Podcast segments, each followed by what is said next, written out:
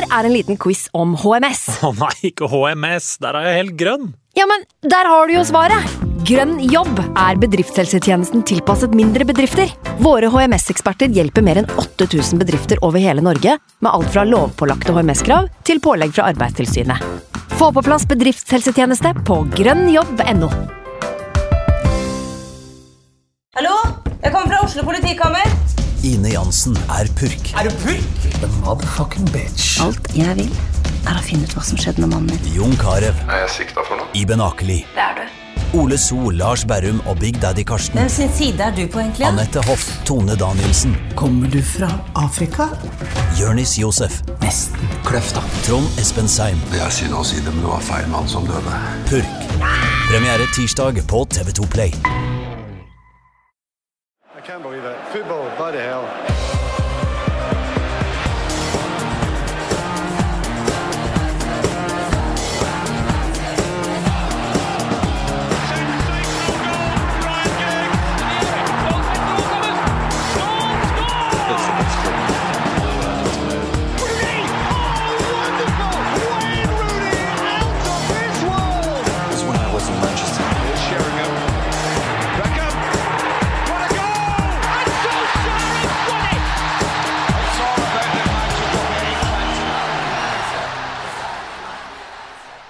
Velkommen til United We Podcast. Endelig en eh, liten opptur for oss eh, United-supportere. Et heseblesende comeback eh, mot Newcastle på Old Trafford. En kamp jeg har på følelsen at jeg kommer til å huske ganske lenge. I dagens pod har vi med oss følgende folk fra United.no. United-journalist Eivind Brennholt Holt, velkommen. Takk for det. Og eh, TV 2-kommentator, eh, Premier League-kommentator Kasper Vikstad, velkommen til deg også. Takk skal du ha, det var hyggelig. Ja, det er ålreit at du er på plass igjen. Ja, Veldig, veldig hyggelig. Ja, Ja. Eh, Det er jo ikke så gærent å komme inn etter at det har vært litt Litt ålreit United-spill også.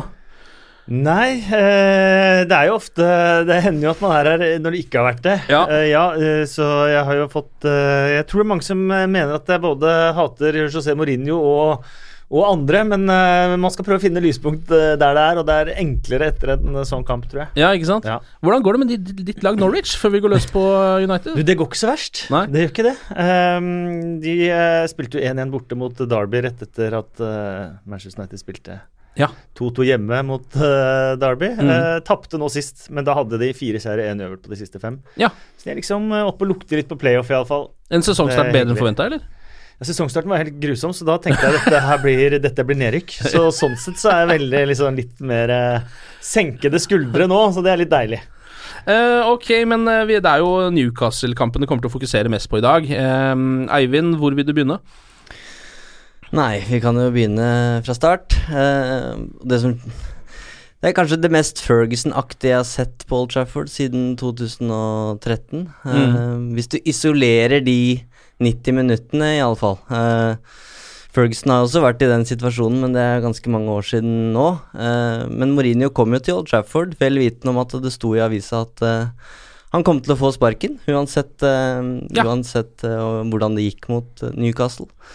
Men det å se det raseriet til Mourinho etter det første målet, spesielt med det innkastet som går i, gjennom Matic og, og Pogba der, og det å Det å se at han ikke var resignert, det tror jeg var veldig viktig for mange. Eh, Og det, det syns jeg kjennetegna Mourinho den, den kvelden, eh, kvelden også. Han kommer jo ofte til sånne store kamper og later som han ikke bryr seg. Det var helt åpenbart at han visste hva som sto på spill.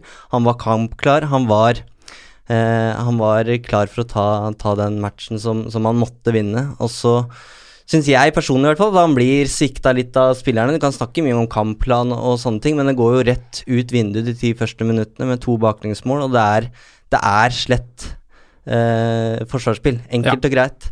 Så han blir på en måte svikta. Eh, og så plukker han det opp som han eh, Det er jo regissert som en eh, god Hollywood-film. Altså, det, det, kunne ikke, det kunne ikke vært gjort på en bedre måte. Og jeg, jeg tror at en, med en, vanlig 1-0-seier her, så hadde Mourinho fortsatt vært utrolig pressa. Men på 3-2, og måten de gjør det på, måten han står opp fra de døde der, så er på en måte klubben bindet litt med begge hendene bak på ryggen, for de kan ikke sparke Mourinho etter en sånn kamp.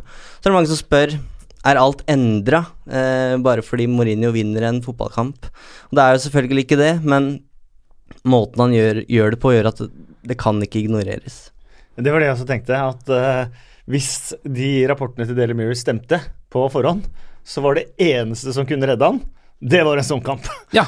Å ligge under 0-2 og vinne 3-2 på overtid. Ja. Det tror jeg var det eneste som kunne, kunne forlenget livet hans, hvis de rapportene stemte. Ja, det var det eneste kampforløpet som gjorde at han fortsatt satt i stolen ja, eh, utpå kvelden der. Rett og slett, som Eivind sier, òg, en 1-0-seier ville ikke gjort eh, noe fram eller tilbake på noe.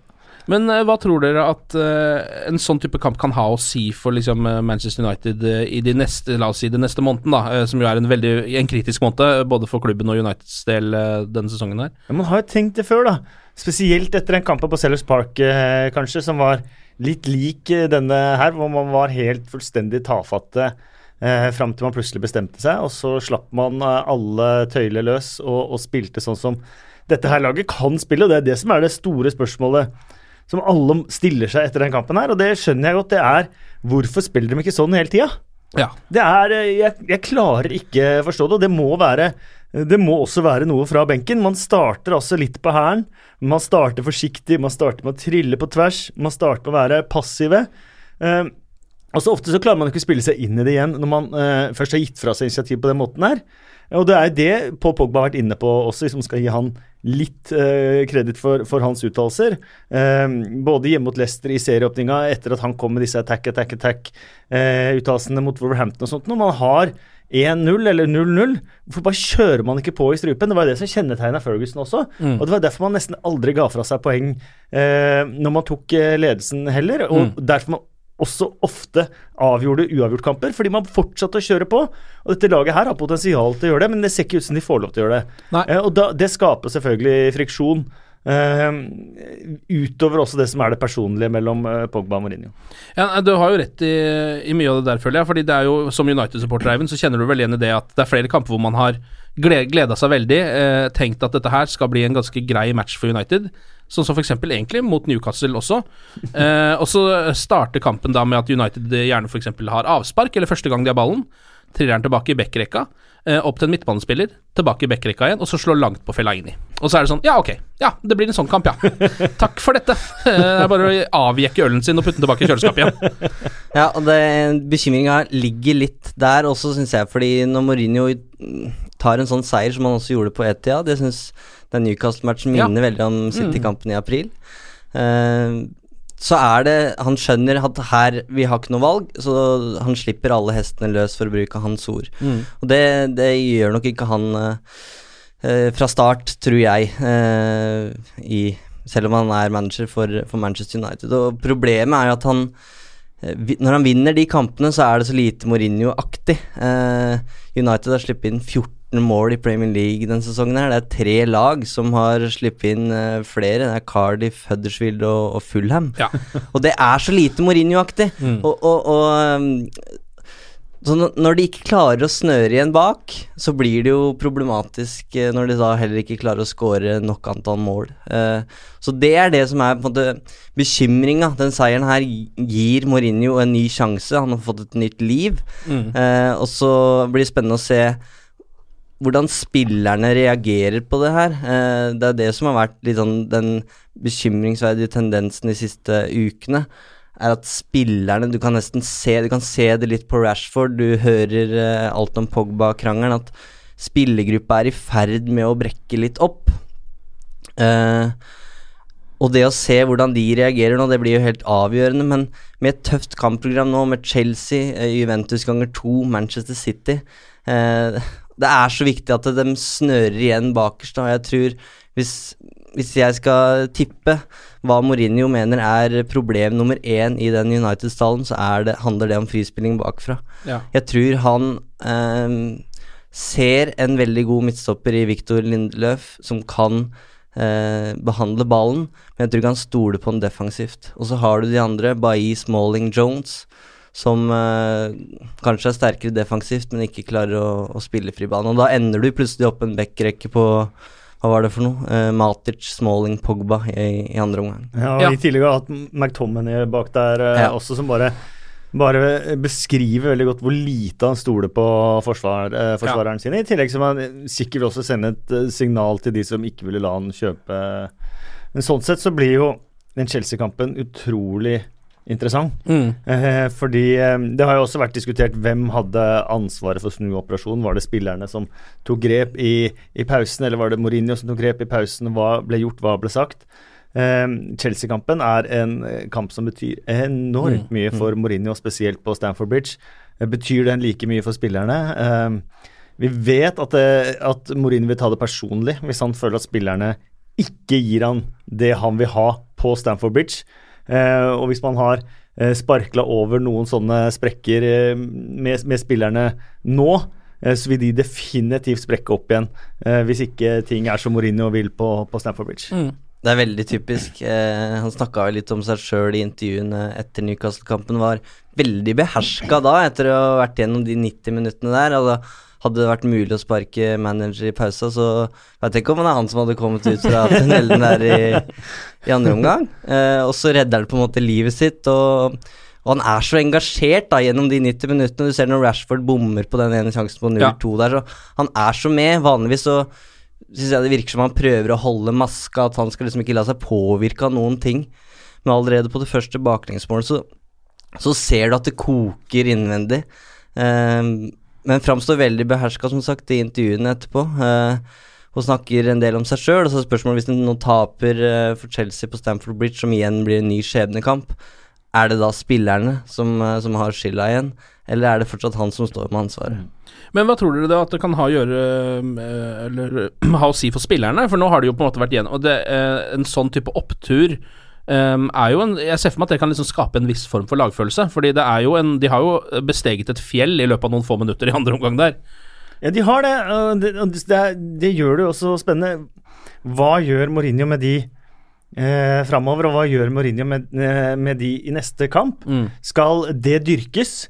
Eh, skal de få lov til å attack, attack, attack, som eh, Pogba, Pogba sier? Ja, skal de få lov til liksom å uttrykke seg selv, sånn som de selv har lyst til å uttrykke seg? Altså, eh, skal spillerne få et eierforhold og en deltakelse i hvordan de skal framstå, hvordan de selv skal framstå foran TV-kameraene, liksom?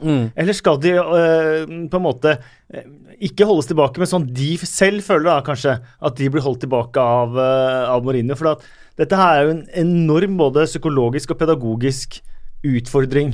Også en menneskelig og mental utfordring. Hvordan skal man klare å bygge videre og dyrke noe positivt, og ikke havne tilbake i noe, noe negativt eh, igjen? Så det er, ja, det er fryktelig spennende å se. Skulle de vinne på Stanford Bridge, nesten uansett uh, hvordan, så vil jo dette her eh, bli selvforsterkende uansett. Ja, ikke sant. Eh, skal vi se litt på selve kampen, da, så er det jo um, Ja, først så er det jo De første ti minuttene er jo altså helt grusomme. Kennedy skårer til syv, uh, og så skårer jo Muto også, uh, tre minutter senere. Og det er jo Altså um, jeg satt jo med en sånn følelse som man ofte har når det går litt dårlig. Så er det sånn ja, Det kan godt hende de kommer under 1-0 i denne kampen hjemme, for det har de gjort litt for ofte på Old Trafford de siste, den siste tida. Men at de skal komme under med to da blir det liksom sånn, da blir det nesten bare komisk. Jeg satt nesten bare og lo. Jeg klarte nesten ikke å være gravalvorlig på det engang. Eh, Det var jo helt grusomt. Men du har begynt å se kamper hjemme igjen. Ja, ja. Det syns jeg, det sa du her, det synes jeg var litt trist. For jeg ble så glad da du, endelig, da du endelig turte å gå ut blant folk og se kamp og drikke øl og smile litt og ha litt den der United-selvtilliten og sånn. Og du, at du igjen har begynt å dra hjem igjen og se kampene. Det, det, ja, det, jeg unner deg å se de ute, altså. Det, Ja, denne her skulle jeg ønske jeg hadde vært Ja. ute og sett, faktisk. Men det hadde jo gått i pausen. Ikke sant? Så jeg hadde jo ikke fått med meg godparten. Det hadde blitt hjemme på sofaen uansett. Eh, og så gjør jo eh, Mourinho sitt første grep allerede etter Det er vel 19 minutter, så bytter han ut Bailly og setter inn Juan Mata. Eh, det skal jo vise seg å bli ganske viktig etter hvert, selv om jeg det tok ganske lang tid før jeg så hvilken effekt Mata skulle ha på den kampen, for, for han er jo litt sånn tar jo litt tid noen ganger med Juan Mata for å se Han er jo, han er jo ikke en impact player på samme måte som noen andre kan være. Uh, Skårer jo et helt nydelig frisparkmål. Um, litt, litt for langt ute i kampen, tenkte jeg til at det skal være mulig å snu det. Men det eh, fikk de jo til slutt til. Det var vel i det 70. han satte det målet. det tenkte ikke jeg. Nei, jeg ikke satte femtelapp på, eh, På? United-seier på 0-2. jeg. Ja, det gjorde det. Jeg fikk bare 11 i odds. Ok. Ja. Oh, ja, så folk Eh. trodde dette skulle skje, eller trodde trodde, men det var ja, ikke så Jeg gjorde det samme da Stabæk tok ledelsen mot eh, Lillestrøm òg. Mm. Da fikk jeg 15, og da var det bare to igjen. Ja, ikke sant? Ja. Ja, så folk har fortsatt litt troa på snuoperasjonsegenskapene Ja, ja. til Manchester United. Da. Det er jo greit å vite. Jeg spiller aldri for mer enn femtelappen, altså. Bare så det er uh... Du er ikke spillegal, det er det du, det er det du prøver å si. 50 kroner er maksinnsats. Det er jo for øvrig uh, Juan Matas eh, åttende direkte frisparkmål uh, siden han eh, begynte å spille i Premier League. Og det, er, det høres jo ikke så mye ut, for han begynte jo i 2011. Men han ligger da over eh, f.eks. Gylfi Sigurdsson og Christian Eriksen, eh, og også Wayne Rooney. Og i hvert fall to av dem er jo mot eh, Newcastle, og Ja. de er sånn nesten helt identiske. Ja, nå har han bare ti mål opp til Beckham. på frispark, direkte frispark. Dårlig tid.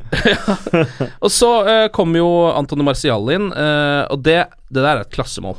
Altså, Pogba spiller han fri med Er det en liten hælflikk til og med inne i bildet her? Uh, nydelig satt av Marcial. Um, det ble jo det dyreste målet som har blitt Manchester United har skåret noen gang, egentlig. Fordi de måtte vel ut med 8 millioner pund eller Ja, 9, ja. 8-9 Du må vel egentlig dele det på 25, hvis det skal bli helt riktig. Ja, ja, sånn, ja, ja, men det var det målet som avgjorde det. det var jo på en måte det. På grunn av den, det var jo den klausulen de inngikk da de kjøpte han fra Monaco, at eh, hvis han gjør det så og så bra, så skal det bli mer og mer penger. Nå gjenstår det vel bare at han skal uh, vinne Ballon d'Or, tror jeg, for at de skal Han trenger bare å bli nominert blant de tre, faktisk. Er det bare nominasjon? Ja, det er ja. ikke, ikke, har ikke den kjempenominasjonen på 30, Nei, men den siste på den de tre. treeren, ja. ja. Ja, ok. Ja, det, jeg ser ikke for meg at det skal skje med det første. Nei, ikke først. Nei. Eh, og så er det jo da Alexis Sanchez som skårer det siste etter et eh, fint innlegg fra Ashley Young. Um, og akkurat det at det er Alexis, føler jeg liksom var helt perfekt. Det trengte, det trengte han, det trengte vi, Eivind. Det var mange som fikk seg en opptur eh, den kampen. Eh, Ja. Jeg kikka på det. Sanchez, Marcial og Mata til sammen. Så hadde de gått sånn ca. to år uten et Premier League-mål, og alle tre skåra mot Newcastle. Oh, så ja. Eh, den derre Marcial-Rashford-greia, da, som nesten har blitt en sånn duell mellom de to fordi de aldri spiller likt, det er jeg tror det er en duell Hva skal jeg si De kan ikke gå seirende ut av den, begge to. Eh, jeg syns du så det på Rashford. Han var eh, ganske skuffa da han gikk av banen der. Og nå Ja. har Martial plutselig fått, fått en scoring, og sånn holder det jo litt på. Det er litt sånn en annen annenhver. ja, det er ingen som klarer å legge opp mer enn to gode kamper på rad, på en måte. Nei. Nei, og det her er eh, til dels Mourinho og de som kjøper spillere sin skyld, og det mener jeg det har vært eh, et av mine kanskje største ankepunkt mot Alexis Sanchez.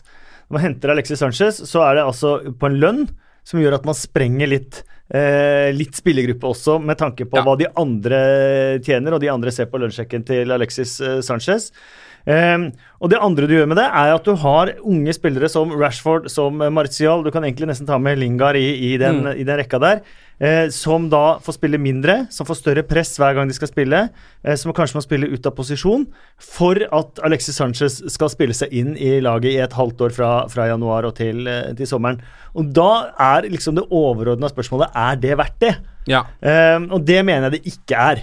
Eh, og det lider jo spesielt Martial og Rashford har lidd veldig under akkurat det, eh, i, i forhold til, eller med, med tanke på sin egen utvikling. da. Mm. Eh, og det syns jeg ikke er bra. Vil du på en måte karakterisere Alexis Sanchez som et lite feilkjøp av Manchester United nå? Han har vært det til nå. Det var hans Ja. fjerde mål han, eh, Ja han scora. Og det, det som er Alexis Sanchez største problem, og han er en fantastisk god fotballspiller, eh, men han mangler veldig mange av de her relasjonelle ferdighetene. At han, han, han, han, sliter med å skape relasjoner til de ni andre utespillere rundt seg på, på banen. Så han kan på mange måter Han er god nok til å kunne avgjøre kamper helt på egen hånd fordi han gjør fantastiske ting.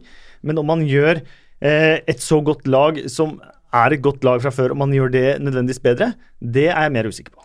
Jeg syns det er så rart, fordi akkurat det du sier der, da med at eh, Alexis Sanchez kan avgjøre kamper alene. Han kan nesten Jeg føler liksom Mitt minne fra Sanchez i Arsenal er at han bare tar ballen når Arsenal trenger det, og bare bestemmer seg, og så freser han gjennom og får den ballen i mål. Det har ikke jeg sett i United i Nei. det hele tatt. Nei. Nesten ikke en eneste gang.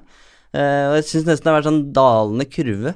Uh, og så kan du snakke mye om at uh, han er jo en spiller som har spilt ufattelig mye de siste ti åra, og er jo tross alt 29 år osv., men det er akkurat som man, det blei skrudd av idet han gikk til United, og det, det er en litt sånn annen rolle, nesten en sånn playmaker-rolle, Ja. og er langt utafor de, eller fra de skåringsposisjonene da, som du helst vil se han i. Jeg tenkte han kom til å ha en fantastisk sesong. Jeg. For Han hadde fått sin første fri i sommer på Ja. Sju, i sju år eller noe sånt. ja.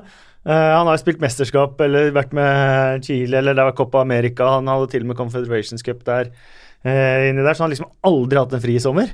Så tenkte nå endelig fått hvilt seg, fått solt seg og fått trent litt og sånt noe, men eh, Nei, det var merkelig det, men jeg, altså, han har jo inntatt en litt annen rolle enn det jeg- Eller han har, vært, han har vært en annen spiller enn det jeg trodde kanskje at han var. Jeg har kanskje ikke sett han nok i Arsenal eh, og eh, Barcelona tidligere og sånn, men for det som du var inne på, Eivind, så det han på en måte gjør mest nå, er jo å seg, prøve å trekke seg fri ute på venstrekanten, gå ut på hjørnet av 16-meteren og så vippe ballen inn i feltet.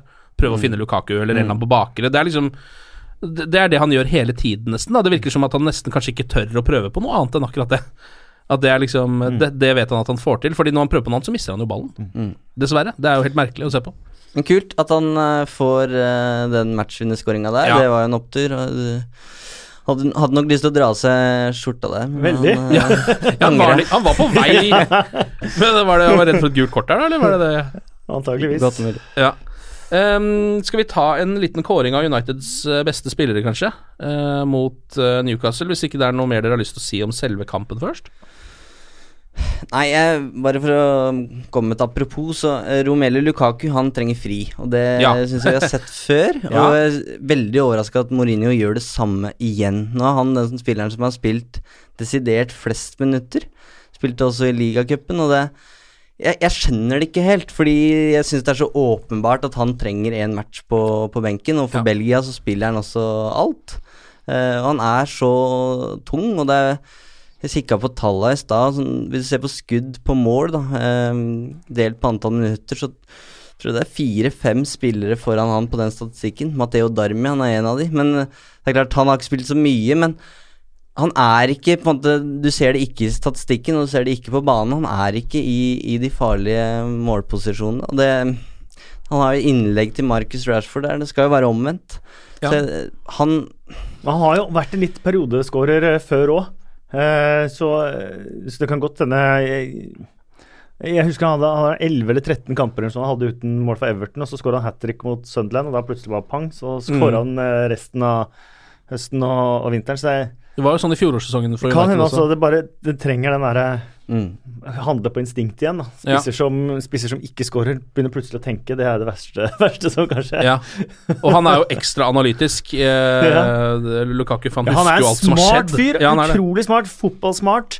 eh, alt det der òg. Og det, noen ganger så kan det være for smart hvis du begynner å analysere for mye. Ja. Eh, men altså, ja, jeg, jeg, han trenger jo absolutt en pause, men de har jo heller ikke noen klar erstatter. Da. De har jo ingen som kan gå inn og spille et par-tre kamper for han innimellom.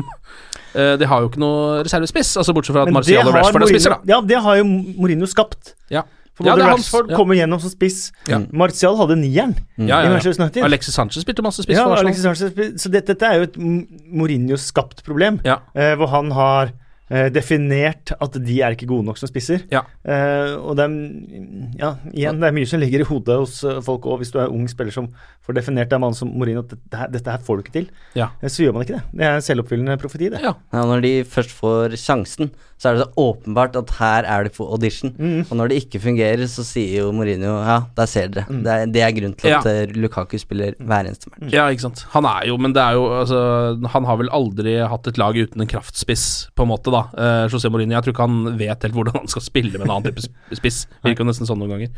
Men eh, forresten, før vi gir oss og tar um, poengene, så var jo du inne på, Kasper, at uh, Paul Pogba at det var ganske sånn uh, merkverdig uh, stat-forskjell på hans første og andre omgang mot Newcastle. Ja, jeg har ikke statistikken foran meg nå, Nei. men eh, det var, uh, ja, det var helt en, Det var to ulike spillere i første og andre omgang, sånn Ja. statistisk sett, og det så man jo alle med øynene våre også, at det var eh, Ja. som resten av Manchester United. Men eh, statist, statistikken på han var, eh, var helt diametralt motsatt. Ja. Og det, det understreker noe vi kanskje egentlig har på en måte visst litt fra før, Eivind, nemlig at eh, Paul Pogba dessverre er litt sånn medvindsspiller. Og det Ja. skulle vi jo kanskje ikke ønske at han var. Eller kanskje enda verre, han er god når han gidder. Ja. Eh, veldig sånn humørspiller. Men eh, ja, eh, det er egentlig Tenkte jo at han skulle være en midtbaneleder. Ikke Skjønner du. En som skulle gå foran når det går dårlig også. Og du ser jo det når han uh, får det kapteinspinnet, og så er han jo Ja, et par centimeter høyere. Ja, det er han. sånn.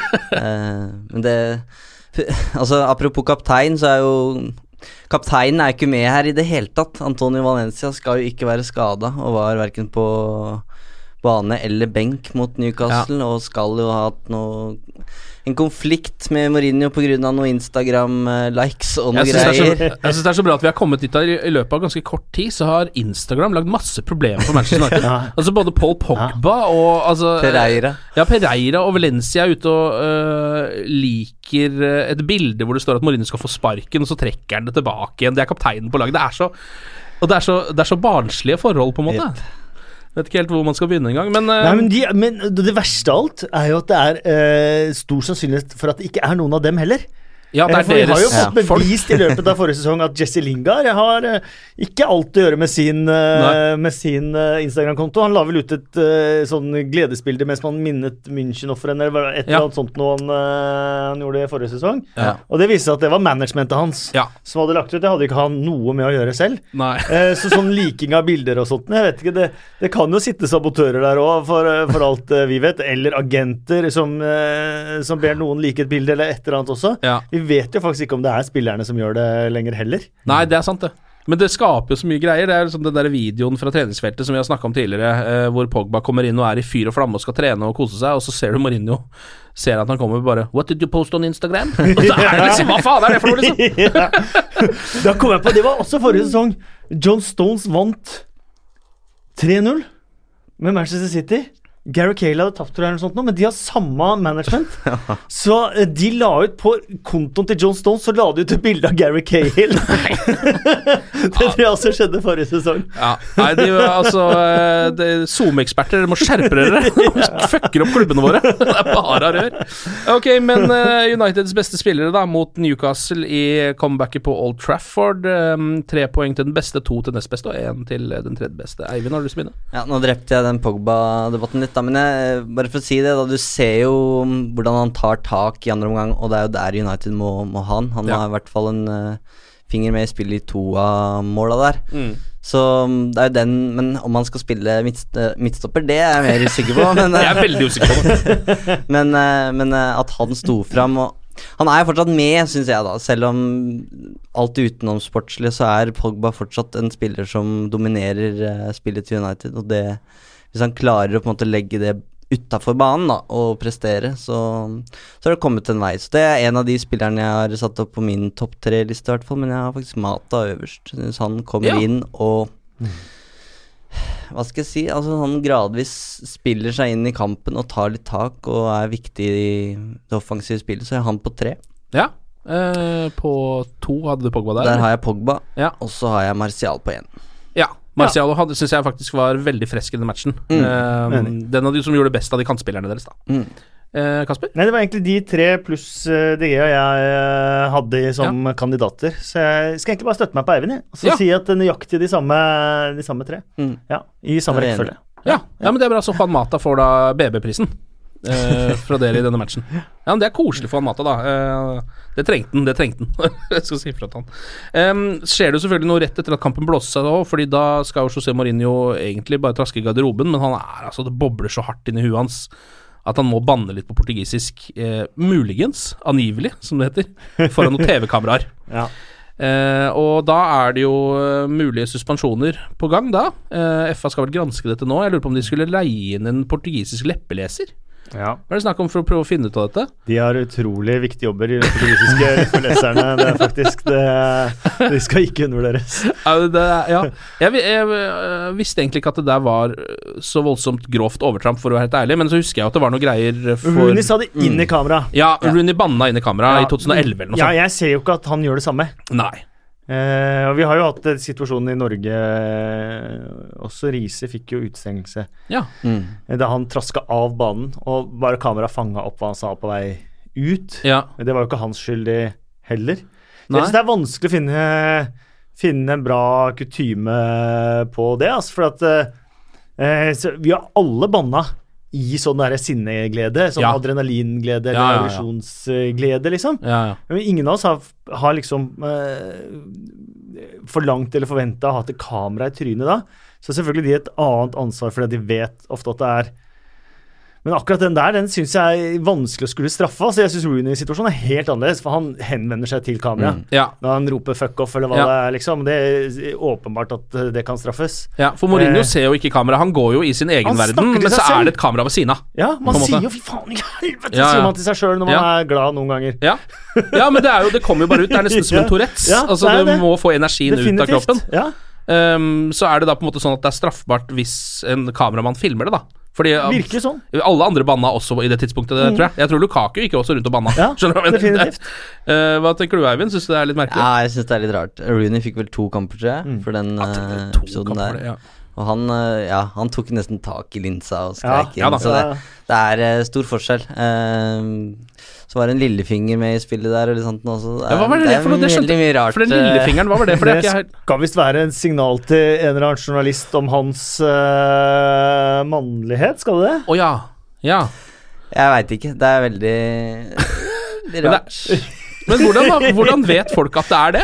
Altså, Man vet jo ikke, da. Det er det som er så morsomt. Ingen, eh, man visste jo visstnok at han eh, skulle hatt sparken innen eh, 11. Ja. oktober også, liksom. Men eh, det var det ingen som visste det heller. Nei.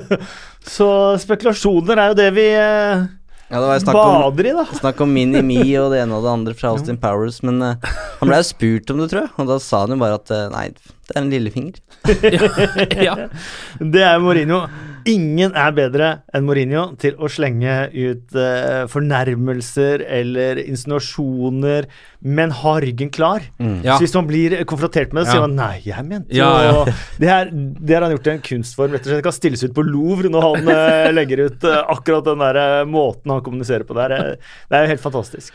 Vi får se hvordan det går med den granskinga og den eventuelle suspensjonen, da. Men den blir jo, hvis den skulle komme, så blir det jo mot Chelsea, iallfall. Eh, sannsynligvis. Det hadde vært surt for han. Og det hadde vært så surt på alle mulige måter. Det er liksom også sånn Og det er så Mourinho også. Altså, eh, endelig en opptur, og så er det litt for mye opptur, da. Så begynner det å banne, og så er det nedtur igjen. på en måte. Men er det en manhunt hvis eh, han eh, blir straffet, eller tror vi at andre hadde blitt eh, straffet for det samme? Det er det jeg ikke er helt sikker på, Nei, ikke heller. eh, faktisk. Eh, og nå er det jo også på må Altså han banner jo også på sitt språk, som jo det er jo Det finnes sikkert noen portugisiske barn som ser på dette og klarer å plukke det opp, men, eh, men jeg innbiller meg at jeg har liksom sett eh, engelske trenere stå og banne til eh, til Neil. Warnock kom jo Lurer på om dere også slo inn på TV-sendinga, hva han kalte Harry Kane a fucking twat. Ja. Eh, Ja, det er det jeg mener, men Ja. du ser jo de står jo der og, og, og banner jo til uh, linjedommere og assistentdommere og alt hva det måtte være, og du ser jo at F-ordene flyr ut av kjeften på Ja, dem uten at det blir noe. nei. Så jeg Han fikk vel eh, Det er noe med historikken nå, da, men uh, han fikk jo suspensjon for å sparke den vannflaska mot Westham forrige sesong, Uh, det? Ja. Så han har jo noen sånne det, Jeg tror ikke det, det skal så mye til før han frustrerer de på kontoret. Men uh, dere husker jo også på Old Trafford da Wenger sparka vannflaska Ja. og ble sendt på tribuna. ja. Var Har dere hørt Stemmer. Gordon Strachan kommentere det? Nei? Da eh, er det min eh, YouTube-anbefaling for dagen. Eh, Gordon Strachan som sitter i et TV-studio eh, og legger på sine egne stemmer på det som skjer når Arsen Wenger blir sendt på tribuna for å sparke flaske. Fantastisk, han voicer det, ja. Gordon Strachan voicer det. Det er et av de beste klippene som ligger på hele YouTube. Gordon Strachan kanskje en av de menneskene som har mest gull kommet ut av munnen sin. Han sier han har sagt så mye bra opp igjennom. Da han var Southampton-manager, ble han stoppet av en journalist som spurte Mr. Strachan, a quick word. Velocity. Ja. Og så gikk han videre. Det er geninivå. ja, det er geninivå. Ellers er det bare for å si at nå, det blir et veldig negativt fokus egentlig på en kamp Ja. hvor United snudde 0-2 til 3-2. Det er en uh, fantastisk prestasjon i seg sjøl mot et Benitez-lag og, og alt. Uh, men det er liksom Vi har kanskje fått den seieren litt på avstand nå. Altså den, det adrenalinet er ute av kroppen for lenge siden. Eh, og, det går jo ikke an, som jeg begynte med innledningsvis, å isolere de 90 minuttene. Det er, men, men det var et eller annet på Old Trafford den kvelden. Da. Altså, snakka om litt med folk som, som var der, og det gikk jo rykter før matchen om at det var Mourinho som hadde planta de ryktene, eller i hvert fall teamet Mourinho som hadde planta de ryktene. Om at han skulle få sparken. Om at han skulle få sparken. Og han fikk jo, i så fall, fikk han jo den effekten han ønska. Fordi United-fansen retter ikke da eh, altså aggresjonen mot Mourinho, men mot klubben, mot ledelsen, mot Mm. Woodward. Eh, så han får jo akkurat den reaksjonen han ønsker. Og så får han jo 2-0 i sekken, da, så det, det går jo ikke helt etter planen. Men måten han henter det opp igjen, så blir det jo en forestilling som bare han kan regissere, og som jeg sa, så er på en måte Forutsetningene er jo endra, og det, det om, som du var inne på, Kasper, om det er en Mourinho masterclass, eller om det er spillerne som skal ha honnør for de går i kjelleren. Det er, kanskje er det en kombinasjon, jeg veit ikke. Men byttene gjør i hvert fall en stor forskjell. Mm. Eh, og det betyr ikke at vi skal kaste alle de tapene mot Brighton og Tottenham og, og, og uavgjort resultat mot Wolverhampton ut av vinduet, men man starter på en måte litt på nytt, fordi du kan ikke ignorere den snuoperasjonen og måten det skjedde på. Og i podkasten min bare ta med, ta med også, podcasten min hadde jeg som uh, rundens ukjente helt United-supporterne. Ja, for det var det jeg skulle nevne. For det var uh, uh, Old Trafford. ingenting å legge skjul på at det er det til tider ganske dødt. Ja. men selv da på 0-2 ja. Eh, så fikk man litt den der Paolo Di Canio-følelsen da Paolo Di Canio lå livløs på gresset og nekta å spille mer, og Bowling Ground bare løfta han opp ja. til han scora mål igjen. Ja. eh, man fikk litt samme følelse med at fansen gjorde det med Manchester United-laget. da Og det enig. er fantastisk å, å, se, da. Jeg er helt enig, fordi som du er inne på, sånn, uten å tråkke noen på tærne, så kan det være litt Det er litt stillere på Old Trafford enn det burde være. Mm. Eh, uansett uh, nesten resultat utpå der. Mm. De kan lede 5-0, de kan ligge under 1-0, de kan lede 2 altså, Det er nesten Og det er ikke det eneste stedet i England nei, det er nei, da, det, altså. Absolutt ikke. Um, men nå kokte det altså mm. så knallhardt i andre omgang. Mm. Egentlig første omgang òg, men da var folk litt sjokkerte, tror jeg. Uh, og du merka at det løfta jo fram spillerne. Mm. Det, det, så man nesten, Du kjente det på kroppen. Mm. At her kommer det til å bli noe spesielt. I hvert fall på 2-2. Mm. Visste de at de kom til å vinne kampen, på en måte. Ja, jeg, jeg, er litt uenig i akkurat det, da. Oh, ja. men, for jeg syns det er veldig ofte at når, eh, når det ligger under med to mål, så bruker man så mye energi, og man mobiliserer i så stor grad at når du har kommet opp til 2-2, så går liksom ja. lufta litt ut av ballongen. Ja. Men det gjorde den jo ikke, og det var en positiv overraskelse. Ja. Um, nå har det jo Altså, det går jo fortsatt uh, rykter rundt dette um, uh, denne nye fotballsjefen som Manchester United har tenkt til å ansette, Director of Football, som de kaller det. Um, nå er det Giuseppe Marotta, har jeg sett, som ryktes Han har jo vært CEO i Juventus. Gjort en ganske grei jobb der borte. Mm. Um, men har jo uh, litt sånn overraskende uh, gått ut av uh, Eller har, han har kontrakt fram til 25.10. Litt overraskende så har han ikke skrevet under på noe mer der. Um, så det, han er en av de som nevnes nå, sammen med han som også jobber som sportsdirektør under han. Ja, det er en duo. Det er en duo, det er mm. snakk om en pakkeløsning, som de kaller det. Uh, men uh, uh, hvor lang tid tror du Hvor lang tid bruker man Har de tenkt å bruke på å få på plass dette? På en måte Er det sånn som Vet du noe om dette, Eivind? Har du noe inside på the Director of Football-prosessen? Nei, ikke noe annet enn at de hadde jo lenge tenkt til å ansette en sportsdirektør. Ja. Som i klassisk United-ånd ikke skulle hete sportsdirektør. Ja. Han skulle heller ikke ha oppgavene som en sportsdirektør har. Men det er jo et, en kabal som har gått litt i oppløsning fordi klubbsekretæren uh, slutta og litt sånne ting, så, så, er det en del administrative oppgaver som er ledige. Ja. Eh, og det skulle den, uh, den, sportsdirektøren egentlig gjøre, har jeg forstått det som. Men sommeren har jo endra på det, og, og, de har jo visstnok da sagt at de skal i hvert fall ha et navn på plass innen jul.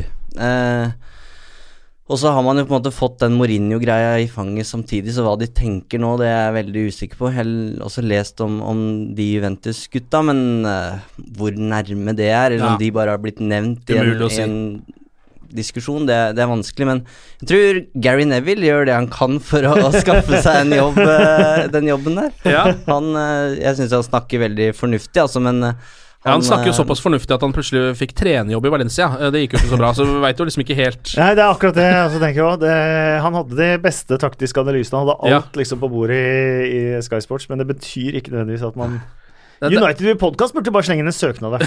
Så har man gjort det. ja, det burde vi gjøre. Kan vi heller finne ut hvem av oss som tar den jobben. ja, Den kan jo også gå liksom en gjest, gjestesportsdirektører, akkurat ja. som, eh, som podkast. Ja, det kunne vært litt dårlig. Men det kan jo være litt eh, fint å få på plass, det. Fordi det er jo litt mer sånn um, Noe som er det langsiktige, da. Som mm. ikke United har hatt helt på plass, kanskje, de siste årene. I hvert fall fått mye kritikk for det der. Så er det litt sånn vanskelig å si hva som skal komme først, da. Det er i hvert fall Hvis de først skal ansette en sportsdirektør, og sparker Mourinho og ansetter en annen manager før de får gjort den ansettelsen, ja. så er det jo helt uh, høl i huet. Så de, det er noen viktige avgjørelser som skal tas i, uh, i, i, klubben her nå. Og Lars Morten Olsen, som er redaktør i United-supporteren, han skriver om det sin leder nå. Kanskje den viktigste ansettelsen siden Sir Matt Busby. Ja, ikke sant. Mm.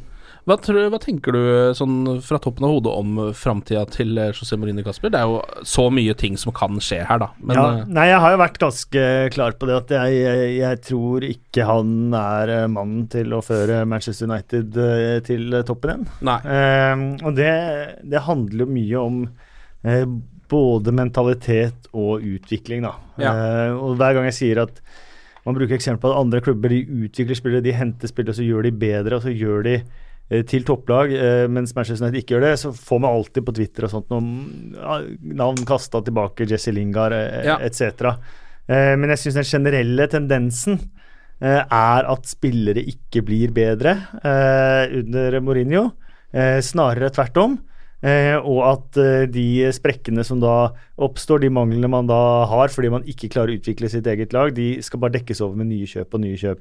Mm. Eh, stoppersituasjonen er jo et typisk eksempel på det når man har brukt de pengene man har på Lindløv og Bailly uten å klare å gjøre de så gode som man har forventet å gjøre de, så er det kjøpe nytt, kjøpe nytt som er, som er greia. Så, sånn sett så tror jeg og så, så er det det som sånn tilbakevendende, da, at jeg syns Mourinho eh, på sitt aller, aller beste er jo både fantastisk, han er morsom, han er karismatisk, og han har alle de egenskapene.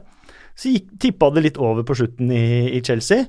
Men så tenkte jeg nå får vi tilbake gamle Mourinho i Manchester United. Eh, litt sånn, Da blir han presidential, sånn som Trump også skulle, skulle, skulle bli. Ja. Eh, fordi at Manchester United er en så stor klubb, og, og det er en sånn ambassadør manager nesten må være. Eh, men så syns jeg på en måte han har fortsatt litt i det der Chelsea-sporet også, også utad. Eh, og det, det, det gagner ikke en klubb som Manchester United. Det syns jeg ikke, og spesielt når man ikke da har de sportslige resultatene med seg samtidig. Er det noen du ser for deg som hans arvtaker, da? Nei, Det er selvfølgelig vanskelig. Det er, det er, Manchester United er så stor klubb og så god at det er veldig veldig få klubber som er forunt å være i den posisjonen. Men det gjør jo alle de tingene så mye vanskeligere. Det er ikke så vanskelig eh, å være sportsdirektør eller manager i Norwich og så finne spillere som vil forsterke det laget. For det er ganske mange av dem. Eh, Ja. Men å finne en spiller som forsterker et Manchester United, eller en manager som kan ta Manchester United dit de skal være, det er en helt annen oppgave. For det er bare ytterst, ytterst få mennesker eh, på denne planeten som er i stand til å gjøre, rett og slett. Ja. Og derfor blir det så ekstremt vanskelig, da. Eh, man trodde jo man hadde mannen med van Gaal, i hvert fall. Ja. Eh, man trodde kanskje man hadde mann- mannen med Mourinho. Så er det vist at det hadde man jo ikke, da. Og Mm. da har man valgt altså på øverste hylle to ganger. ja. Eh, så man har ingen garanti egentlig uansett. Men det man ser, er jo det man ser per i dag, og da tror jeg ikke Mourinho er rett mann. Nei. Um, ja, nei, det er, altså, det er jo det som jeg syns er nesten det litt sånn vanskeligste nå, fordi um, det finnes jo ingen klare navn. Nå var jo Zinedine Zidane på blokka en liten periode. Det har liksom på en måte visna litt hen igjen. Um, Ja, han ville ikke til England, var det ja, det var det de mente. Først så fridde han jo litt til United, virka det som, og så trakk han seg litt på det igjen. Og så har han vel uh, snakka med Mourinho på telefonen også, uh, så vidt jeg har skjønt, uh, og fortalt at han eh, Det var en morsom seanse, by the way. Ja, hvor På Mourinho pressekonferansen hvor en eh, Det var jo før Valencia-kampen, må det ha vært. Hvor Ja, en spansk journalist spør eh, Mourinho eh, Stemmer det at Zidane har ringt deg? Eh, og så sier han eh, eh, ja, du får spørre han bak deg. Uh, og den, den samtalen her foregår på spansk. Ja. Og der sitter Neil Custis fra The Sun, og han ser ut som et spørsmålstegn. Han skjønner jo ingenting av hva som skjer. Så har han på seg sånne hodetelefoner, så han får jo den engelske versjonen på øret etter hvert. Uh, og da, når han liksom får, får med seg samtalen, så sier han ja, jo, han, har- de har snakka sammen. Det stemmer. Ja. Vi kan ta, ta noen uh, litt sånne løse rykter som har dukket opp uh, rundt United. Nå virker det som at de kan være interessert i Lucas Hernandez, uh, Atletico Madrids back. Eh, han er vel Han er fransk, han er ikke det? Han var vel med på Og han var veldig god i VM. -hmm. Samtidig så var han ekstremt irriterende i VM. Uh, fordi man trengte jo ikke se på han engang før han både gikk på trynet og rulla, rulla rundt. Ja. Eh, fryktelig frustrerende mann å kommentere, må jeg ærlig innrømme. ja. Eh, og spesielt en spillertype som jeg ikke liker pga. at han er sånn. Men han sa det jo også, det ble et fokus under VM òg. Da sa han at dette er det jeg har lært i Atletico og i spansk fotball. Så ja, ikke sant. det er sånn jeg spiller. Ja. Eh, men veldig, veldig god. Det Han- skal han, skal han ha begge veier òg. Ja. Eh, og så vinnertryne. Ja. Eh, og det er jo det er bra. En flott, flott venstrebekk. Men United har jo en venstrebekk nå. ja, de Det har, har de jo definitivt. Første gang for ja. mange, fått seg en mange år. venstrebekk nå, Ja. Det er sant, det. Eh, Skada nå, men uh, får på en rekke. Men straks tilbake. Eh, og så er det jo vært snakk om at eh, José Mourinho var også eh, Montenegro mot Serbia. Eh, det var vel i går. Og da vet man jo ikke hva han gjorde der, men jeg ser for meg at det har noe med Milinkovic Savic å gjøre. Mm. Um, jeg vet ikke helt hva det har å si for noe som helst. Um, om det har noe med Fordi jeg tror ikke de har tenkt til å kjøpe inn enda en uh, dyr midtbanesjef som liksom skal ta rollen til Pogba. Men han var i hvert fall der. Så kan man jo begynne å spekulere litt på det. Um, og så er det jo han uh, Matheis de, de Ligt De Leicht De Leicht Er ikke så god på nederlandsk, men han er Ajax-stopper. Ingen andre er det heller, bortsett fra Øyvind Aalsaker. Ja, ja han, han, nailer alltid det der. Ja, han, er, han var gift med en nederlandsk uh, kone. Ja, Så han har fått det gratis? Ja, måte. Ja. han er veldig god på nederlandsk. Uh, men det, han er jo en uh, ung, ganske spennende stopper. Litt sånn spillende stopper, så vidt jeg har skjønt. Jeg har ikke sett han så veldig mye, altså. Jeg har ikke sett Ajax kjempemye, men også en litt sånn spennende spiller. Um, og, men det som med norske øyne kanskje er det gøyeste, er jo at Isak Hansen Aarøen nærmer seg en overgang til Manchester United. Han er 14 år gammel. Mm. Uh, og Det er jo alltid litt ålreit å ha noen unge, talentfulle nordmenn i, i, klubben. Ja, det er gøy. Det rareste ryktet er jo Det her er det ESPN som melder, altså amerikanske ESPN, er jo at United vurderer å hente tilbake Zlatan Ibrahimovic i januar. Mm. Um, umulig å vite hva som ligger i det. Um, Men Mourinho og Zlatan elsker hverandre. Det vet vi. Mm. Og så vet vi at United trenger en spiss til. Ja, og en personlighet i garderoben. Og en personlighet i garderoben. Det er det det går på. Ja. Og gjerne en alliert med Mourinho der. Han har hjulpet, ja. hjulpet og han. han har uh, kommet seg i ganske god form. Altså bedre Ja. form enn han var da han dro fra Manchester United, for Ja. da var han nesten ferdig. han har ikke ferdig. tempo til å spille Premier League. Absolutt ikke. Um, men han har fysikken til å spille Premier League. um, ellers er det jo Aaron Ramsey, også er det noe rykte rundt. Uh, og mange som uh, er ute etter Ramsey etter at det er noen uh, Det ryktes litt at han kanskje er på vei bort fra Arsenal. Ja, han har jo ikke en kontrakt som går ut til sommeren. Ja. Eh, det vil ikke være det dummeste man gjør. Jeg syns det høres ut som et veldig smart kjøp. Eh, både fordi han kjenner Premier League godt, og så er han også en Um, um, han, har- ja, han, jo, han har jo Han du, går kanskje litt mye opp og ned i form, Aaron Ramsey. Sånn, det jo, han har jo sesonger hvor han er verdensklasse. Så er han mye skadd. Og så er han mye skadd, så kommer han liksom ikke helt tilbake igjen før et halvt år senere. Men uh, som en liksom uh, stallspiller også, en som jeg tror faktisk hadde gått rett inn i elveren til United akkurat nå, kanskje ikke så dumt. Vet ikke hva tenker du, Øyvind? Jeg, jeg vet ikke hva du tenker om det, Kasper, men jeg, jeg, jeg klarer ikke helt å la meg begeistre av, ryktene nå, nesten uansett hvem United kobles til. For jeg føler det, er, det å kaste flere nye spillere på det problemet her, det kommer ikke til å få til Nei. å gå bort. Vi har prøvd med Alexis Sanchez og, og diverse, og det, det er på en måte ikke løsninga. Det er ikke der problemet Problemet ligger, og jeg også er litt sånn usikker på om Mourinho egentlig kan ta det laget her så mye lenger. Og så ligger det egentlig ikke noen kritikk i det, men han har tatt det laget her ganske langt. Jeg syns det er ganske mye bedre, i hvert fall på papir, enn det det var i 2016. Ehm, men hvis han nå skulle få det laget her inn på, på rett spor igjen, og at støyet det roer seg, og si at man ror i land en uh, Champions League-plassering og kanskje tar en tittel i form av en FA-cup eller et eller annet sånt noe, så ser jeg ikke Altså, det ultimate målet med prosjekt Mourinho er å vinne Premier League. Det Ja. er på en måte den, store eksamen.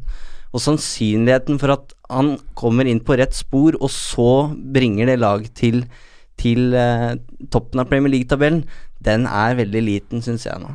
Ja. Eh, og løsninga tror jeg ikke er å kjøpe en ny midtstopper i, i januar. Og da sier jeg ikke at man skal kvitte seg med Mourinho, men man, som du var inne på, Kasper, man må utvikle det laget man har. Eh, og han har et vanvittig bra fotballag. Eh, og vi kan snakke om Glazers og eierskap og, og klubbens eh, styre og, og alt, men han har en tropp som skal være gode nok til å slå Westham. De skal klare å slå Brighton.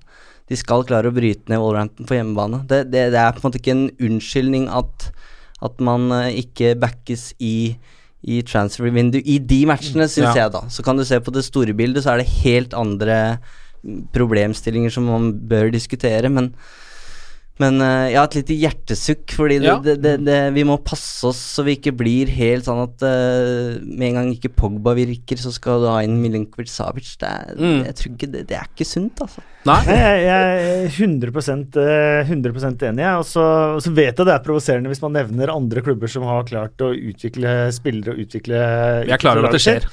ja, ikke sant? Eh, men det er jo det eh, Manchester United eh, må, og det er jo derfor jeg også blir sånn provosert av Alexis Sanchez. Fordi at, eh, sånn som du var inne på, når Marcus Rashford skal settes opp som eh, spiss, eller på kant også, uansett hvor han spiller nå, så spiller han én kamp på audition, maks to.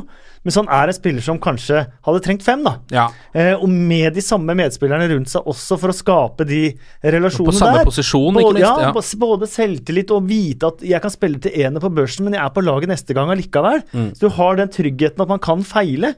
Alle trenger den tryggheten at man kan feile i hverdagen. Mm. Eh, og Det samme gjelder for Martial, og det gjelder for flere unge spillere. At man, eh, man må ha den tryggheten eh, fra benken og fra eh, støttepersonell rundt eh, til å kunne utvikle seg selv, bli bedre og bli den bidragsyteren man ønsker at man skal være. da. Man kan ikke bare inn, det funka ikke, ut igjen. Og, og sånn skal det være hele veien. Det er en utrolig usikker hverdag. Ja. Og sånn hadde jobbhverdagen for oss også. Eh, Vi hadde prestert også dårlig i alle våre jobber, og alle som hører på, hadde prestert dårlig i sine jobber om det var, om det var sånn. Mm. At du fikk én sjanse, eller en halv sjanse, Mm. og så rett ut igjen Ja. for noen andre. Eh, sånn funker det ikke, og, og det, er, det har vært mitt sånn store greie med i hvert fall med Alexis eh, Sanchez, eh, og også litt med åssen Mourinho både opptrer, uttaler seg, tar ut lag, legger opp eh, taktikk. Og, og det har vært en sånn stor forskjell fra de som ligger rundt, da, og som faktisk kanskje ser ut til å lykkes. da, Mm. eh, At de faktisk har gjort de tingene med de unge spillerne, og gjort dem bedre. Eh, og så andre ting også. Så eh, Hvis man skal ta Leroy Sané, da. Ja. Ingen har skjønt hva som er greia med Leroy Sané. Spilt lite i treningskampene, bytta ut på Wembley til halvtid i Community Shield. Var til og med helt ute av troppen eh, i Premier League-kamper i, i, i høst. Men nå tilbake, og nå like god som forrige sesong. Ja. Så det er helt åpenbart, uten at jeg vet hva eh, Pep Guardiola har gjort. Man har ikke gjort det uten mål og mening. Og jeg er helt sikker på at det har vært en ekstremt tett oppfølging i hele den perioden også med Leroy Sané, Mm. som gjort at man har fått ham tilbake der han var. Mm. Um, og det er jo det spillerutvikling og lagutvikling handler om. da. Ja. At alle blir bedre individuelt, og at laget blir bedre kollektivt. da. Mm. Og der syns jeg kanskje Mourinho har svikta med Manchester United. Ja, og ikke bare han, eller det her har jo vært en slags sånn ukultur som har bredt seg mer og mer siden Ferguson, selvfølgelig. Mm. Og de det var har jo Ferguson. Ingen var bedre enn Ferguson. Det Det, laget det. han vant ligamesterskapet på eh, den siste sesongen. Ja. Eh, Van Gaal, Moyes Ja, Moyes beviste det jo. Ja. Eh, Mourinho, nesten enhver annen ville havna på niendeplass med det laget der, nesten. Ja. Eh, Ferguson cruisa gjennom Premier League med Han var helt vanvittig på det der, altså. Ja. Ja, det er akkurat det også. Men så er det jo da eh, har det vært litt sånn famling i blinde etter det, da. Man prøver, kjøper inn noen, prøver litt. Altså Det har vært så mye spillere innom Manchester United. De har allerede glemt Angel Di Maria. Mm. Og det er, det er jo helt merkelig, akkurat opplegget ja. der. Det, det, you won't win anything with kids. Da de tapte 0-3 på, på Ja. Villa Park der, eh, så sto Sir Alex Ferguson i last og brast eh, med sine unge gutter. Ja. Og skapte legender ut av hver og en av dem. Ja. Det var det han gjorde. Ja, det var det han gjorde, ja. Mm. Og så er det så selvdestruktivt i tillegg. Mourinho takler jo motgang så vanvittig dårlig. Eh, og det blir så dårlig stemning, og du ser alle konfliktene som som er den eneste førstelagsspilleren som ikke har hatt en eller annen disputt med Mourinho, i hvert fall sånn ifølge avisene. Det, det tror jeg nesten ikke. Det, det kan godt være at det er hans måte å bygge opp spillere på, at du skal bryte dem ned, men du kan ikke gjøre det Du kan ikke bryte opp og Nei, bryte ned og bygge opp og, og Nei. å gå den veien hele veien. Du, du, du, du er nødt til å stabilisere seg på et eller annet tidspunkt. Og dette er jo også en sånn forandring i Mourinho. Eh, ha- Hans største forskjell var jo alltid at alle spillerne elska han, spesielt de sterke personlighetene i garderoben. Mm. Eh, De knytta så ekstremt tette bånd, Mm. og det tror jeg er fordi at Mourinho er et utrolig eh, bra menneske og en menneskekjenner eh, kjenner også. Men vi har sett Materazzi stå og grine på skulderen til, til Mourinho. Ja. Eh, men, så, men så kom det til et punkt eh, i Real Madrid hvor han plutselig begynte å gi seg ut med liksom de store, store personlighetene i garderoben der. Chelsea andre periode, samme der. Eh, hvor han tar de fightene eh, veldig konfronterende fightene med de sterke personlighetene i garderoben. da. Mm. Og så har han fortsatt litt med det i Manchester United, hvor han også på mange måter har gått litt løs på de som ikke har vært de sterke personlighetene i garderoben, i tillegg, da. Ja. Som jeg tror andre kanskje med en rettferdighetsfølelse i, i, som er innenfor de fire veggene der også, kan ha reagert, eh, reagert på. Så det, det er også sånn forandring i, i Mourinho gjennom, eh, gjennom årene som har, eh, har gått, som også jeg syns er, syns er merkelig. Ja. Det eneste det har fungert med, er jo Luke Shaw. Eh, Ja, men har det fungert med Luke Shaw? Jeg Nei, eller Luke Shaw er i det hvert fall ålreit nå. Ja, vært andre veien, da. Ja. Og om han er satt veldig langt tilbake og så kommet nå, eller om han har kommet nå for, på grunn av det, det er jo Ja. Det vet vi jo ikke hvilken vei, vei som har vært der, da. Så skal det også sies at det har blitt veldig negativt med Mourinho, men det finnes veldig mye positive eh, sider eh, også. Jeg har trukket fram flere ganger at spillere ofte har hatt en tendens til å velge Mourinhos lag fordi Mourinho har engasjert og investert personlig eh, i spillere med å oppsøke dem, med å ringe dem, med å ta vare på dem, eh, med å få dem til å eh, føle seg både ønsket, velkommen og, og verdifulle. ja, hele den Eh, introppen hans ringer han jo fortsatt Ja. eh, daglig, har jeg inntrykk av. og, og jeg så han jo på, på Ullevål stadion, det nevnte jeg i podkasten som, vi- som vi har, har også, hvor ekstremt flink han er på da de gikk ut av spillebussen på Ullevål stadion, det sto 5000 mennesker der. Eh, spillerne stort sett med øreklokker rett inn i garderoben. Og han tok seg turen altså nedover hele, tok selfier, snakka med folk, skrev autografer. og Han var ferdig med én rekka, så gikk han ikke inn. Da gikk han over på motsatt rekke og tok, eh, tok eh, den oppgaven som burde være spillernes naturlige oppgave på en sånn vennskapsshowkamp. Tok han på sine skuldre og gjorde det. Så de spillertunnel på forhånd, alle disse små barnemaskottene. Eh, Den eneste som hilste og håndhilste på hver eneste av de barna, det var José Mourinho. Ja. Eh, også en oppgave som burde være naturlig for spillere eh, å gjøre, men som han gjør. Jeg tror han gjør mange ting som vi ikke ser også, som er eh, fine, da. Mm. Eh, jeg tror han er eh, også Mitt inntrykk også er at han, at han er Men det, det har bare gått litt sånn blindgate nå. Ja. Og engelske journalister blir jo ofte beskyldt for å holde en agenda, både, både Mourinho og, og United. Um, Snakka nylig med Jamie Jackson i Guardian. Eh, egentlig om noe helt annet, men vi kom inn på pressekonferansen etter eh, Tottenham-tapet. Og da er det jo han Jackson som eh, har det utløsende spørsmålet der, eh, hvor han liksom påpeker for Mourinho at eh, hallo, dere tapte tross alt 3-0 her, altså. Eh, hvor han da begynner på den uh, respect-ranten sin. Ja. Og da, da sier jo han Jackson at han, han holder ikke det mot Mourinho et eneste sekund. Altså han, eh, han, eh, han er usikker på Mourinho i det hele tatt hadde på en måte Huske at det var han som, eh, som, som hadde det spørsmålet, og hvis det var personlig, så, så tok ikke han det personlig overhodet. Eh, det inntrykket er at de fleste syns Mourinho er en kul fyr. Altså han, han er eh, han har en attitude, og som han Jackson sa, han er jo et geni. Eh, men det er klart han er så opptatt av det som har skjedd tidligere, blant annet. Og det, Ja. I motgang så blir det Da blir det arroganse. Det blir bare sånn gammel, eh, en gammel grinebiter, på en måte. Ja. Eh, men ja, jeg tror han er bedre likt enn det mange har inntrykk av. Men Ja. det er alle de der småkommentarene som kommer hele tida mot egne spillere og Jeg har opplevd det personlig, òg. han hang meg opp til tørk Ja. på et intervju så det suste etter. Eh, og da eh, jeg stilte mitt neste spørsmål, som var ordrett eh, så, Mista munn og ja. så lot han meg slippe A-kroken òg, eh, Ja. med lange, gode, gode svar oh, ja. etter det òg. For da fikk han sympati med deg, da. Ja, det, fordi, fordi han rett og slett eh, tror jeg også er, er et bra menneske også. Ja. Eh, som selvfølgelig også reagerer eh, på ting som andre også vil reagere på. Jeg tror, jeg tror også vi, Det er mange som har opplevd det presset Mourinho opplever nå, eh, men jeg tror likevel vi som sitter her, skal respektere at det er et press vi aldri opplever mm. eh, i, i vår profesjon. Ja. Eh, og at det kan eh, til tider eh, tære ekstremt på en. Ja, og som også få andre managere på toppnivå øh, opplever også, må man jo nesten nevne. Fordi sånn som for eksempel øh, Mauricio Pochettino da, og Spurs slipper jo unna med alt mulig rart. De kan ha en ganske ræva sesong, og han kan fortsatt øh, bli sett på som verdens beste manager. Ja, han har, har begynt å vise sprekker, han også. Ja, han har på pressekonferansene. prosjektet går ikke like bra lenger. Det, Eh, han har ja. også vist en personlig side at han tar seg nær av ting, eh, Ja. han òg. Så, så selvfølgelig. det er jo sånn. øh, men Mourinho, han er jo Når man er blant de største, så så får man også uh, høre det mye mer enn alle andre. uh, vi kan også ta med oss at sir Bobby Charlton fylte 81 år i går, på torsdag. Eh, gratulerer med dagen, sir Bobby. Um, og så er det jo Nå er det jo landskamper. um, og så er jo Chelsea-kampen da som er det neste. Chelsea på Stamford Bridge. Um, tabelltoeren. Et lag i uh, ganske ellevill form. Eh, Eden Hazard eh, er helt Altså, jeg, jeg blir redd. Jeg, jeg, jeg har mareritt om Eden Hazard allerede nå. Så det her kan bli spennende.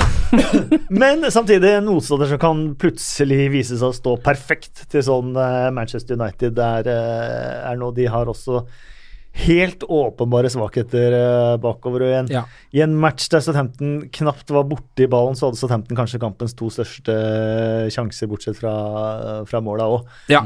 og sånn har de framstått eh, hele veien. Ja, det er vel det som er med den Sarri-fotballen, at det er jo heseblesende framover, og så er det liksom ikke så mye bakover. Men det er et eller annet med Stamford Bridge, eh, hvor United har slitt ekstremt de siste åra. Forrige Ja. seier kom i 2012. Ja. Så det er eh, må grave dypt for å finne de gode opplevelsene der, tror jeg, men uh, det er mye som står på spill. Det er en ny skjebnematch for Mourinho. Jeg syns egentlig at han er jo skapt for de der duellene der. Uh, Ja. Han har jo det derre den vinnerskallen, egentlig, da. Så Og det er jo noen av er spillerne av- også som ja. Ja, så er det en av få managere i de aller største klubbene som er veldig opptatt av å legge opp taktikk etter motstander. Ja. Mm. Og det er jo ofte noe som er en eh, pro i de kampene. Ja, storkamp på bortebane. Stor hemsko hjemme Mm. mot Wolverhampton, Ja, ja. Eh, men, en, men en stor fordel borte mot Chelsea. Ja, og jeg tenker også for spillernes del, for de har jo kunnet sett i de, Vi har vært inne på det før, men i de type Wolverhampton-kampene hjemme, da, som er sånn 'denne skal du vinne'-aktige kamper på Old Trafford, så har det jo sett litt uinspirert ut.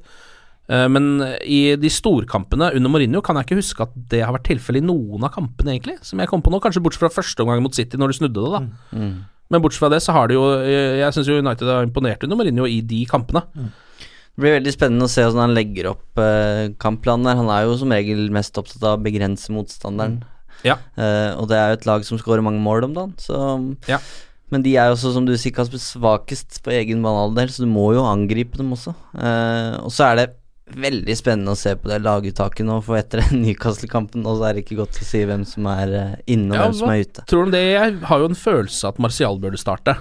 Eh, tenker jeg Foran Rashford, i hvert fall. Men så er det jo Alexis Sanchez da som plutselig skårte igjen. Mm. Så den, ja, han har en liten nøtt der, da. Jeg tror ikke Mourinho stiller med Lukaku, Martial og Sanchez på Stamford Bridge. Nei, Det tror jeg ikke. det tror jeg ikke heller. Så hvis Jesse Lingard er tilbake igjen, så kanskje han går rett inn på laget, eller kanskje vi får en sånn trebekslinje-variant. Jeg ser liksom for meg at dette her er sånn altså Uansett hva som skjer, så kommer Ashley Young til å spille på en av sidene. Skjønner du, Det blir en sånn type, sånn type kamp. Ashley Young mot Eden Hazard. Ja, oh, yes! ja, vi gleder Ja, gleder de har jo oss. møttes et par ganger i VM, de, da. Så. Ja, Young Ja. stoppa jo Ja. Sala, så kanskje Hazard Ja. blir nestemann på lista. Du veit aldri med Ashley Young, vet du. Du vet aldri med Ashley Young. Ok, men vi krysser fingrene, eh, og så eh, snakkes vi, da. Eh, etter landslagspausen. Kan jo anbefale United.no for alle som er glad i Manchester United.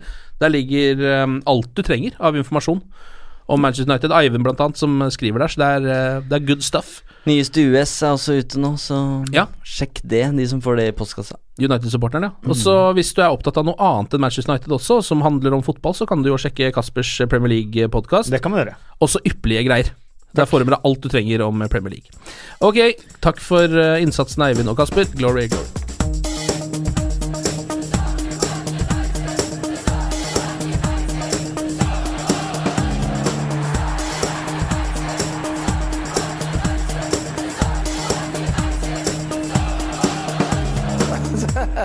Oh, it's true. I've seen many things. Ukens annonsør det er matkasseleverandøren Hello Fresh. Der kan du velge mellom 25 ulike oppskrifter hver uke, eller få Hello Fresh til å sette sammen en meny for deg. Jeg sparer tid på å handle, oppskriftene er veldig enkle å lage, og så får jeg akkurat det jeg trenger da, til hver eneste rett, så jeg slipper å kaste så mye mat som jeg vanligvis gjør. Det er også litt deilig å faktisk slippe å gå på butikken, ikke bare fordi det er tidkrevende og sånn, men fordi man ender opp med å kjøpe så mye greier som man egentlig ikke trenger, sånn som fire poser eh, Smash og en kick med havsalt, eksempel. Det er ikke det du egentlig er der for, du er der for å kjøpe, kjøpe middag. Så det er en veldig eh, kjekk ting. I tillegg så er det jo eh, ferdigporsjonerte ingredienser, det blir mindre matsvinn, og du betaler bare for det du faktisk trenger, og det du faktisk da spiser. I tillegg så blir det da levert på døra. Eh, til et eh, fastsatt tidspunkt, sånn at du kan få det akkurat når det passer for deg eh, sjæl. Hvis HelloFresh høres ut som noe for deg, så har jeg en rabattkode du kan bruke også. Gå inn på hellofresh.no og bruk koden HelloUnited24. HelloUnited i ett ord, også 24, og få opptil 1779 kroner i rabatt på de fem første matkassene dine hvis du ikke har prøvd HelloFresh ennå. Du kan også bruke koden hvis du tidligere har vært kunde, men har stoppa abonnementet ditt for tolv måneder siden eller mer. Det er ingen bindingstid, og du kan pause eller avslutte abonnementet ditt akkurat når du selv måtte ønske. Husk koden HelloUnited24, og bon appétit!